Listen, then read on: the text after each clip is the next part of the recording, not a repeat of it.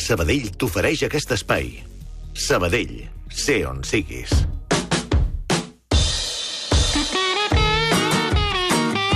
I en Ramon Solsona s'ha quedat a les bruixes de Salem i ja s'ha quedat aquí. I s'ha quedat aquí i vol parlar de les cases de bruixes, les caceres no, de bruixes. No, m'he quedat aquí. Després vindrà el Ramon Simó, que en tornarà a parlar. Sí, home, i parlarem d'altres espectacles, perquè el grec Esclar. té 141 espectacles aquest any.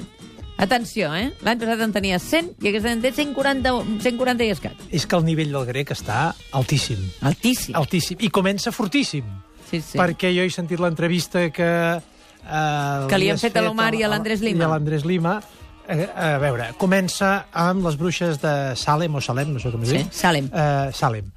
Que Jo és... dic el que diu Andrés Lima. Eh? Sí, sí, sí. Doncs, a veure, és que és molt interessant des del punt de vista del llenguatge també, naturalment, mm. perquè parteix d'uns fets reals al segle XVII, amb Sí. una petita població eh, dominada pels puritans, comença a haver-hi una histèria col·lectiva Sí, sí, que, com, molt bé com explicaven, doncs sempre es necessita un culpable. Eh, I en aquest cas els culpables són els acusats de bruixeria i es queden descansats quan en pengen uns Sempre quants. necessitem un enemic, sempre. Sí, sí, sí, sí, sí, sí. Eh, però, a més a més, d'una manera, diríem, irracional. Mm.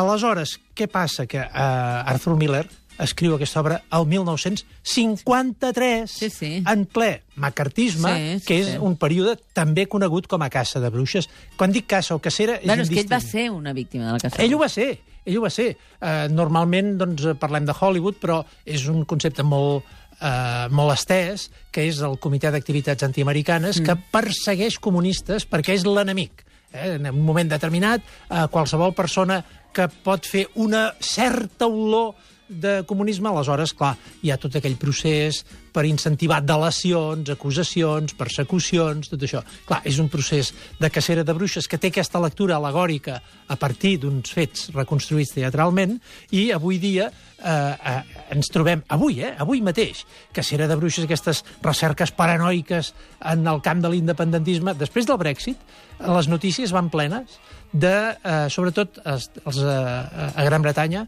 de polonesos, de eh, musulmans acusats espontàniament per la gent, perquè ara són els enemics. Eh? Aquestes caceres de bruixes passen sempre al llarg de la història, lamentablement, i volia fer alguna consideració sobre la paraula bruixa. A veure, d'on ve perquè bruixa? eh, la bruixa que no és gaire diferent de totes les persones que al llarg de la història han eh, tingut unes relacions que a vegades costen de definir si són màgia, ciència, religió...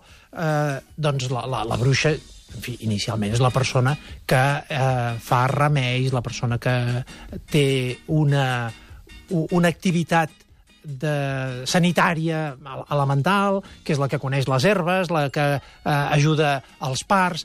A partir d'aquesta idea, fixa't que hi ha una cosa molt interessant i és que a l'edat mitjana, a la baixa edat mitjana, comença mm. la, la, la bruixa a ser considerada com a persona que té tractes amb el, amb el dimoni, que és el mal, eh, amb Satanàs. Mm -hmm. I fixa't tu la diferència, parlant del llenguatge, entre bruixa i bruixot.